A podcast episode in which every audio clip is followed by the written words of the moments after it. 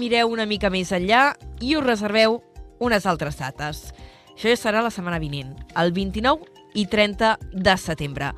Serà llavors quan se celebrarà la sisena edició de la nit de la recerca i per parlar-ne avui ens acompanya l'Urbano Lorenzo, que és vicerrector de Política Científica i Projectes Interdisciplinaris de la Rovira i Virgili. El tenim als estudis eh, de Radio Ciutat. Bona tarda. Hola, bona tarda. Estem parlant d'una sisena edició d'una iniciativa, per tant, que encara és relativament jove, però que la podríem donar per consolidada i que de fet va creixent. Sí, eh, efectivament. Tu ara definies que la, la, els focus d'atenció d'aquests dies en les festes de Tarragona i de Reus i jo diria que també és, és aquestes dues setmanes és la festa de la ciència al territori, per d'alguna manera. I és una activitat que, com dius, sisena vegada aquí al territori, encara és jove, però no per això eh, li està faltant públic. Eh, per exemple, l'any passat doncs, vam atendre aquí a la plaça al Mercat, vam atendre a 2.000 persones que van passar pels nostres estants. Això s'emmarca en una activitat més gran a nivell mundial. Eh? No, no és que es faci només la nit de recerca aquí a Tarragona, sinó que s'heu adherit amb una iniciativa que es desenvolupa en molts altres països en paral·lel. Sí, efectivament, és una iniciativa europea que eh, està marcada, per segon any, està marcada amb el títol de Recerca pel canvi, eh, apel·lant, eh, no ha el canvi climàtic en si mateix, sinó més aviat el canvi que ha de fer la societat, les persones, per, eh, perquè el, el canvi climàtic no sigui una realitat en si mateix, sinó que el puguem revertir. Una activitat central, ara ho deies, l'any passat eh, vau aplegar moltíssima gent a la plaça Corsini i enguany tornarà a ser l'escenari central, tot i que després repassarem que hi ha més activitats, on hi haurà una seixantena de tallers. Què hi podrem trobar? Uh, la veritat és que podeu trobar eh, activitats de lo més variades, Uh, m'agradaria poder destacar alguna en concret, però personalment m'hi costa perquè sí. m'agraden totes molt, però per, per anomenar alguna doncs, uh, us recomanaria l'Splascraft, un escape room científic en el que doncs, us enfrontareu en una depuradora d'aigües a, a veure si sou capaços d'escapar-vos d'allà. O també, us, per, per destacar una altra, doncs, benvingut a la Casa de l'Iber. No? Aquí estem en un territori que som molt conscients del nostre passat romà, però en Roma, de fet, va inveir la nostra cultura prèvia aquí, que eren els cibers i en aquesta benvinguda a la Casa Iber, doncs amb la realitat virtual, us podeu endinsar en com era una casa dels cibers o per anomenar-ne una altra, que quan parlem de ciències immediatament pensem en una persona tancada en un laboratori amb una bata blanca. I la ciència va molt més enllà. I així doncs un grup de lingüistes ens parlarà i us farà treballar amb màquines, amb assistents de veu, amb veure tot el model matemàtic que hi ha darrere de, de tots aquests artilugis amb els que parlem amb tanta quotidianitat i que ens saluden com si fossin persones i, i, i el que repassarem serà tota la tecnologia que hi ha al darrere d'aquestes uh, activitats que són pràcticament jocs avui en dia, però que en el futur seran molt importants. És interessant destacar aquest caràcter interdisciplinari de, de la nit de la recerca, perquè no només trobem activitats, diguéssim, de l'àmbit de les ciències eh, pures, sinó que també trobem moltes coses relacionades, ara parlaves d'aquest àmbit de la lingüística, ciències socials. Intenteu donar un ventall bastant ampli. De fet, sí, tenim el, el, la sort, el, el, el privilegi de que la Rovira i Virgili, la universitat que està aquí al nostre territori, és una universitat molt interdisciplinar. Tenim moltes disciplines diferents, moltes persones que fan recerca en àmbits molt diferents, en el, seu, en el seu àmbit, però també interaccionant entre nosaltres.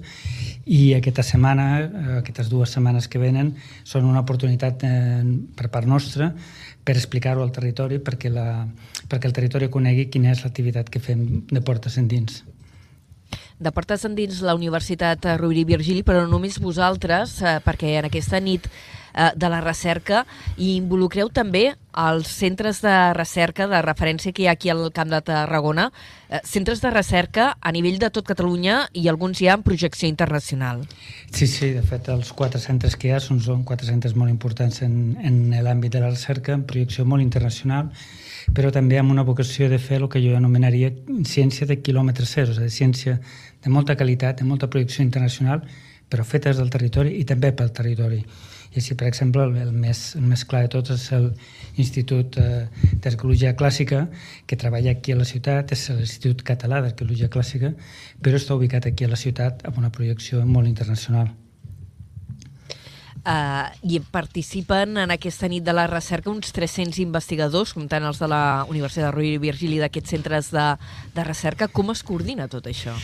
Bueno, amb això, afortunadament, només són eh, sis anys, però tenim un departament com ciència de la pròpia universitat que té molta experiència i eh, en, en aquest tipus d'organitzacions. I per altra banda tot i que hi ha feina al darrere, també és cert que és molt fàcil perquè els investigadors estan també esperant aquesta data, perquè és una oportunitat de sortir a la ciutat i interaccionar no només amb estudiants universitaris, sinó amb les famílies, amb, amb, eh, amb un públic eh, molt jove, i, eh, i també és una oportunitat per molts estudiants nostres de doctorat d'estrenar-se en aquesta comunicació científica, en aquests àmbits de divulgació, d'explicar què és el que fan quan, en els seus estudis de recerca. Uh, com es fa uh, o com s'aconsegueix aquesta implicació dels investigadors? Comentava que en tenen fins i tot ganes de, de participar en aquesta fira, però hem de tenir en compte que l'activitat divulgativa no computa a l'hora de fer mèrits acadèmics. Això hauria de canviar? Sí, això és, és cert que és una que, que hauria de canviar dins del món universitari, no només aquí en, en, en aquesta universitat o en el nivell estatal, també a nivell internacional, s'estan revisant com s'avalua als nostres investigadors, al, al, al personal que fa recerca, i un dels ítems a, a, a, a valorar precisament és eh, tota aquesta tasca de, de fer arribar la ciència a la ciutadania, perquè per molt que fem molt ciència o fem avanços molt importants, si no som capaços de comunicar-los, doncs malament rai, perquè faltarà aquest impacte social, aquest coneixement per part del públic. I els nostres investigadors són conscients també, i s'ha de dir que, tot i que ser conscients de que actualment el còmput que té això per ells és mínim, la seva motivació, la veritat és que és molt d'agrair per la, per la seva participació i per les grans en les que treballen igualment. I qui s'hi enganxa més? Uh, la comunitat més jove, els uh, professors i investigadors més joves o els que tenen més veterania? Uh, la veritat és que si us apropeu a la plaça trobareu que, que, que és molt variat. Efectivament, hi ha un tema gent jove, eh, estudiants que estan actualment fent les seves eh, tesis doctorals, però també hi ha molts investigadors sèniors i, eh, i, i la nostra intenció és captar oh, el gent, a la, a la, el gent jove però també a les famílies com a tal, així que no deixaran de trobar alguna activitat que pugui ser també d'interès per, eh, per la gent gran. No? I a vegades estàs en un taller i li, i li has de recordar el pare o la mare. Sí, sí. És que és pel, aquesta activitat és més infantil, perquè els veus amb ganes de participar també. perquè estan pensats per un, aquests tallers que ens trobarem el 29 i, i 30 de setembre a la plaça Corsini, estan pensats sobretot per un públic familiar. Sí, sí, sí, és un públic familiar. No estem buscant una comunicació tècnica, estem buscant una comunicació en la que estimulem aquest uh, esperit científic en, uh, dins de les famílies, especialment en el, en el jovent, està clar. De manera que quan en el futur siguin o no siguin científics hagin de prendre decisions en la seva vida, privada o pública, ho facin basant-se en evidències empíriques, que és en el fons la, la base de la ciència. A la programació, si voleu, hi ha una pàgina web que és lanitdelarecerca.cat Uh, allí trobareu tota la programació de la nit de la recerca arreu de Catalunya, perquè no només es fa aquí a Tarragona des de la URB, sinó que les altres universitats catalanes també hi estan implicades. Allí podreu entrar amb el detall, però una de les novetats d'enguany aquí al nostre territori és que més enllà d'aquests dos dies de tallers, de fira, que hi haurà a la plaça Corsini a Tarragona, amplieu uh, programació al territori, també buscant potser ja un públic més adult. El dia abans, de fet, el dia 28, sereu a Tortosa. Estarem a Tortosa, efectivament, el 22. Eh, el 22. El 22. Sabia que era la prèvia i no, no m'havia apuntat la data. El, Corregim. El, el format que tindrem a Tortosa serà molt semblant al que posem aquí en la plaça. Estem, és la primera vegada que ho fem eh, en Terres de l'Ebre. La veritat és que la, hem, hem tingut una rebuda molt bona per part de les institucions d'allà. Aquí actualment pues, col·labora l'Ajuntament, la Diputació, el Port, eh, l'empresa Borges, i allà també, a més a més d'aquestes institucions, pues, està col·laborant amb nosaltres l'Ajuntament de Tortosa i per, per activitats una mica més, més per, per públic adult, doncs, per exemple, serà molt interessant el Mercat Central el dia 27, ara sí, el dia 27, el dimecres, en el que investigadors de la Facultat d'Enologia ens explicaran com eh, obrir i servir una, una ampolla de vi segons un, la tècnica científica, no fet així de qualsevol manera. Dir, quan tinguin algú a sopar, els puguin dir que ells els estan servint un vi, com ho diu la ciència, que s'ha de servir un vi. Uh, una altra pregunta de, de més activitats que fareu. Uh, si no ho tinc mal apuntat, el 26 feu una altra activitat al Museu del Port, en aquest cas una xerrada amb dos uh, investigadors del Departament, un de Bioquímica i Biotecnologia i un altre del Centre de Canvi Climàtic de la URB per parlar de qüestions que diguéssim que estan molt d'actualitat. Sí, sí, les conseqüències eh, climàtiques i per la salut que tindrà l'augment de la temperatura del mar. Això ho hem observat tots, no estem, eh, que ningú ens ho digui, que l'aigua del mar està més calenta, no? i ens podíem banyar tranquil·lament al mar amb trobar una temperatura molt alta. Això que, que aparentment és molt, és, és agradable per nosaltres, té unes conseqüències en tot el clima. I efectivament és el que ens explicaran des del Museu del Port, en, en aquest cas la contribuirà efectivament el, pues el port que, de, que participa després de, de diverses edicions, doncs ara torna a participar com a, com a col·laborador d'aquesta nit europea de la recerca. I a banda del 5 d'octubre hi haurà microxerrades divulgatives que es faran en coordinació amb l'Institut d'Investigació Sanitària per a Virgili.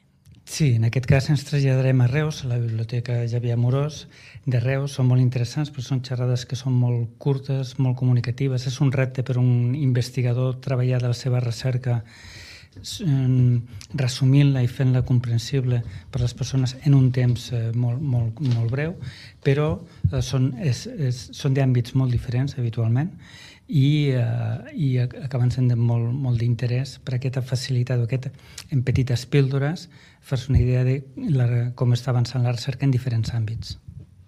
Estem parlant de la nit de la recerca amb el vicerrector de Política Científica i Projectes Interdisciplinaris de la URB.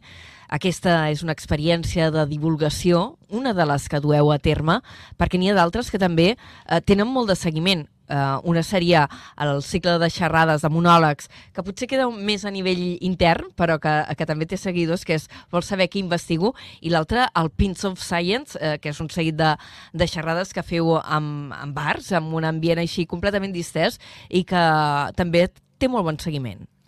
De fet, sí, eh, són, són diferents programes que, que, que tenen la intenció de, aquest, de somates que estem fent aquestes dues setmanes, doncs, prolongar-lo al llarg de l'any i el nostre consell és que estigueu atents a les diferents activitats que anem programant eh, per, per, de, de cara a tenir doncs, una agenda eh, cultural diguem, les famílies durant, durant tot l'any.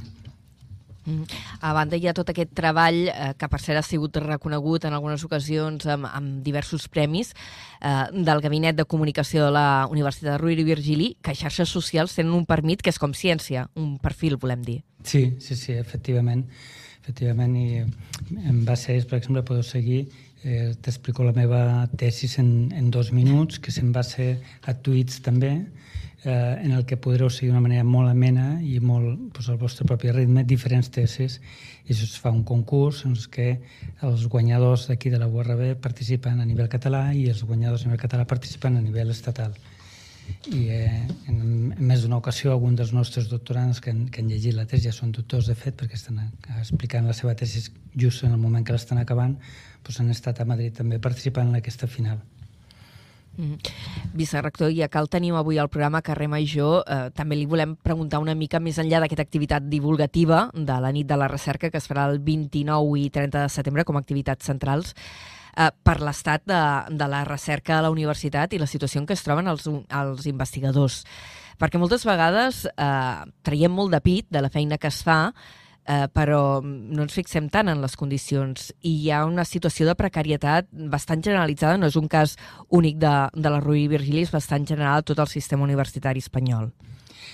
Eh, sí, de fet, el, el, els polítics ens prometen amb molta freqüència que milloraran la inversió en recerca, però aquesta promesa doncs, no acaba d'arribar.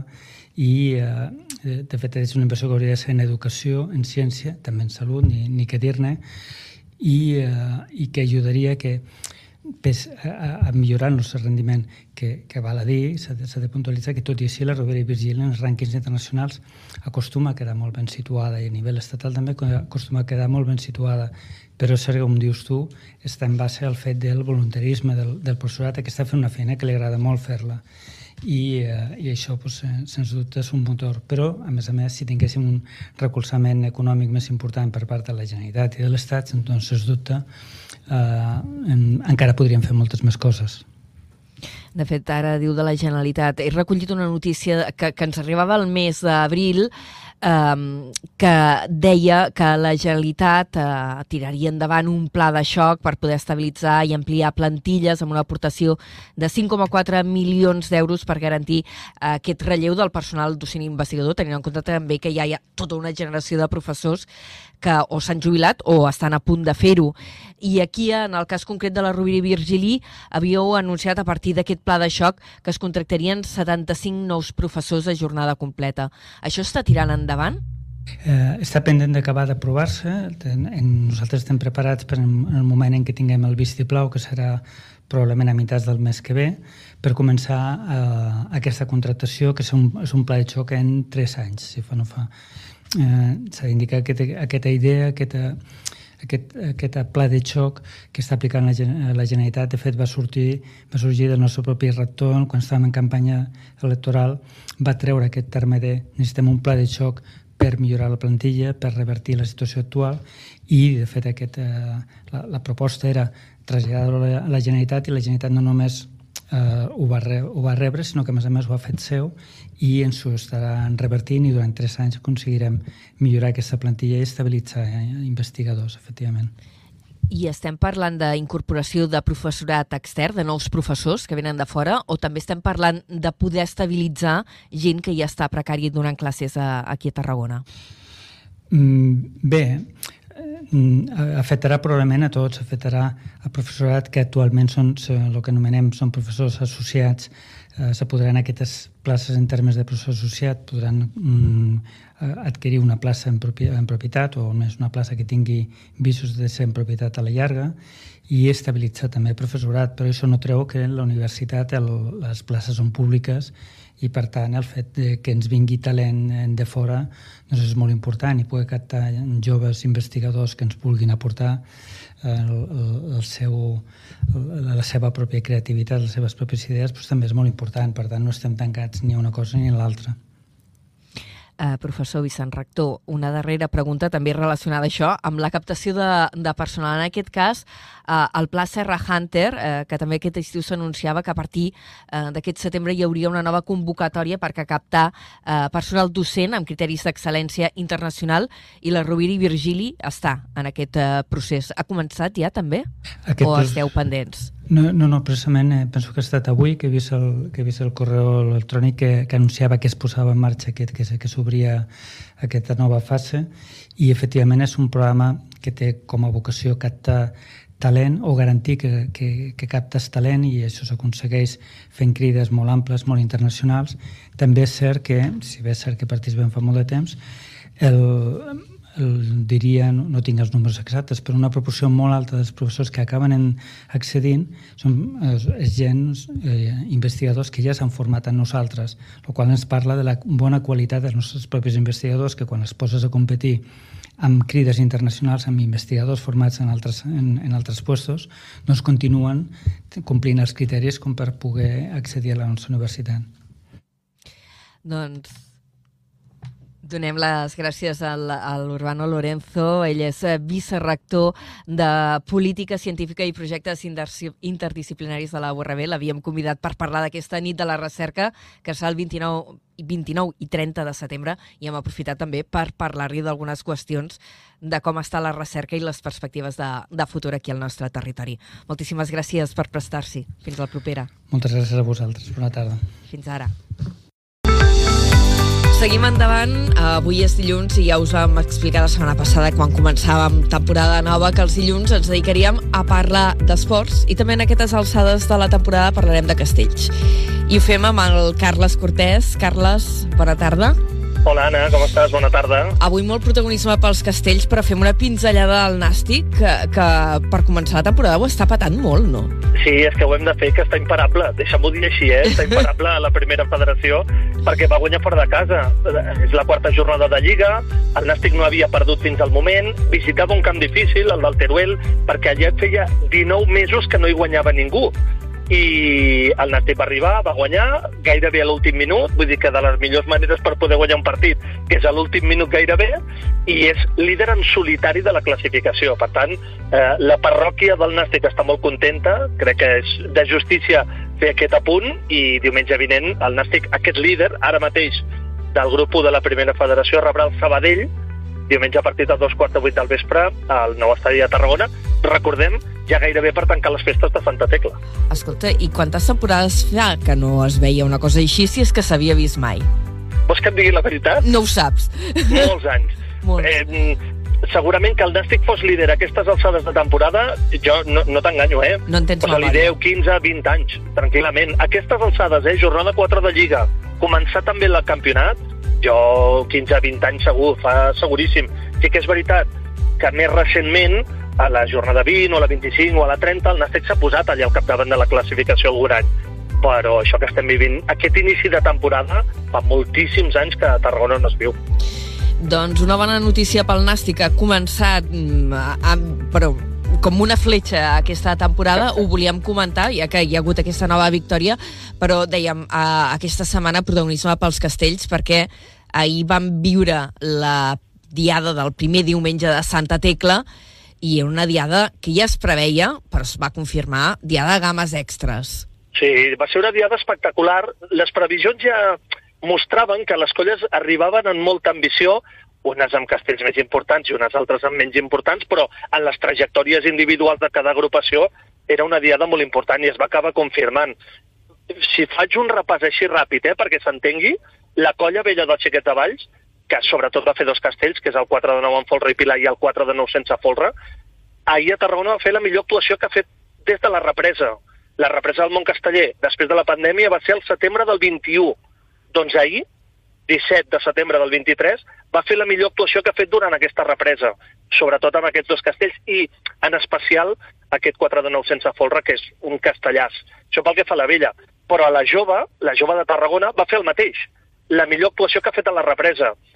3 i 4 de 9, que ja ha sovintejat aquesta temporada, li va afegir un castell de gamma extra descarregat, el 2 de 9 amb folre i manilles. L'havia carregat a Sant Magí, havia fet un intent desmuntat al Catllà, i ahir a Tarragona el va poder descarregar. Per tant, a més amb pilar de 6 al final, carregat però pilar de 6. Millor actuació també de la represa de la jove de Tarragona. Els castellers de Vilafranca van fer el castell de 10, carregat, 3 de 10 amb folre i manilles carregat, l'havien descarregat a Sant Fèlix, a finals d'agost, a la seva festa major, a Tarragona el van carregar i van fer també el 2 de 9 amb folre i manilles i el 4 de 9 amb folre. No és la seva millor actuació de la represa, ni tan sols És molt és la fort, seva eh? millor. que amb una actuació així diguem que no és Sí. la seva millor actuació de les no, represes. No, no, no, no, no. I, I la millor actuació de la temporada la van fer per Sant Fèlix, a la seva festa major, eh? Home, Vull dir que es pot entendre, eh? No, no, no, no hi ha cap dubte que segurament ells van més forts, la... no, segurament no, van més forts a la festa major seva que no pas en aquesta de Santa Tecla, però insisteixo, 3 de 10 carregat i 2 de 9 són dos castellassos. I els xiquets de Tarragona, que van fer molt bé els dos castells de 9, que ja ens havien ensenyat en guany, però que van ensopegar amb el 7 de 8, que van desmuntar dues vegades. Així a grans trets, va ser, va ser aquesta jornada amb 11 castells de 9 i gamma extra. Vull dir que mm, nivell, nivell prepandèmic, perquè ens entenguem. O sigui, com si no hagués passat la pandèmia de la Covid-19 en el món casteller. Uh, em sembla que els, uh, la jove de Tarragona va intentar també un 5 de 9 que va acabar... Sí. No, no, no va arribar... Bueno, va arribar a 5 temps, però el van desmuntar quan estaven arribant ja al pom de dalt, no? Correcte. La, la jove de Tarragona tenia ahir un deure, que era descarregar el 2 de 9, i una il·lusió, que era fer el 5 de 9. El deure el van complir, 2 de 9 en folre ja és descarregat, la il·lusió la van intentar, 5 de 9 en folre, però el van desmuntar. La sort de la jove és que dissabte té Santa Tecla, i allà hi anirà segur una altra vegada aquest 5 de 9 en folre. Ara faltarà que el puguin fer, com a mínim carregar, esperem que descarregar, però té una segona oportunitat, recordem-ho dissabte vinent, i això és ben important perquè a, a Tarragona hi ha tres diades castelleres de festes de Santa Tecla, ahir la primera, dissabte Santa Tecla la segona, i diumenge recordeu que els piles caminen de la Mercè. I va haver una altra diada, a banda d'aquesta de, de Santa Tecla, que cap de setmana a l'Altafulla, en què també vam veure un castell singular. Sí, molt bé, Anna, aquí molt bé aquest apunt, molt important, eh? perquè segurament el que va fer la vella ahir a Tarragona no s'entén sense el que va fer les joves, les joves de Valls, l'altra colla de xiquets de Valls, dissabte a Altafulla. Punt número important, van carregar el 2 de 8 sense folre. És la primera vegada que Altafulla en tota la història es fa aquest castell. No és una animalada, eh, aquest castell. Correcte. És un dels de màxima i extrema dificultat. Va quedar carregat, no sé si has vist les imatges, Anna, però la caiguda és dura. És d'aquelles no. que diem lletges. Fa pupa. Caiguda no, no, no, no l'he vist, la imatge. Sí, caiguda lletja. Però van carregar aquest castell que és d'extrema dificultat, dos de vuit sense folre. Però la gran notícia, la gran notícia, és el pilar de vuit amb folre i manilles en què van acabar l'actuació. Perquè Altafulla, el pilar de vuit descarregat, no es veia des de feia 145 anys. I, per tant, la transcendència i la importància del que va fer les joves.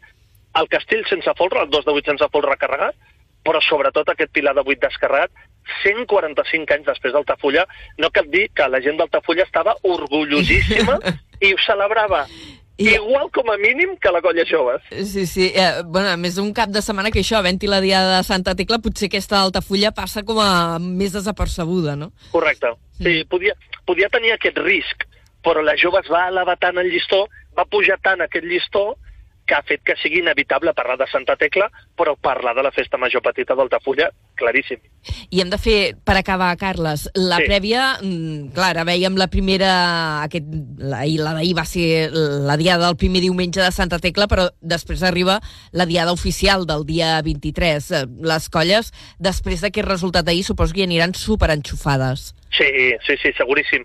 Tant la jove com els xiquets, els xiquets per, per rematar el 3 i el 4 de nou en folre i la jove per poder tornar a provar aquest 5 de nou en folre, serà una diada. Aquell dia també hi haurà xiquets del Serrallo i colla castellera de Sant Pere Sant Pau, en aquesta dia de Santa Tecla, diumenge els Pilars caminant, que això també és una tradició molt tarragonina, però apunta a l'agenda, Anna, apunta. Ai. Treu paper i boli. Sí? Per què? Dissabte al migdia, si algú diu, mira, jo és que me'n vull anar a Barcelona a passar el cap de setmana, té castells. La diada de la Mercè de Colles Ai, convidades, mm. amb les joves de Valls, Minyons de Terrassa i Castellers de Barcelona. Però divend, dissabte a la tarda, el dia 23 de la tarda, si algú diu, és que jo encara tinc més ganes de castells, pot anar a Reus.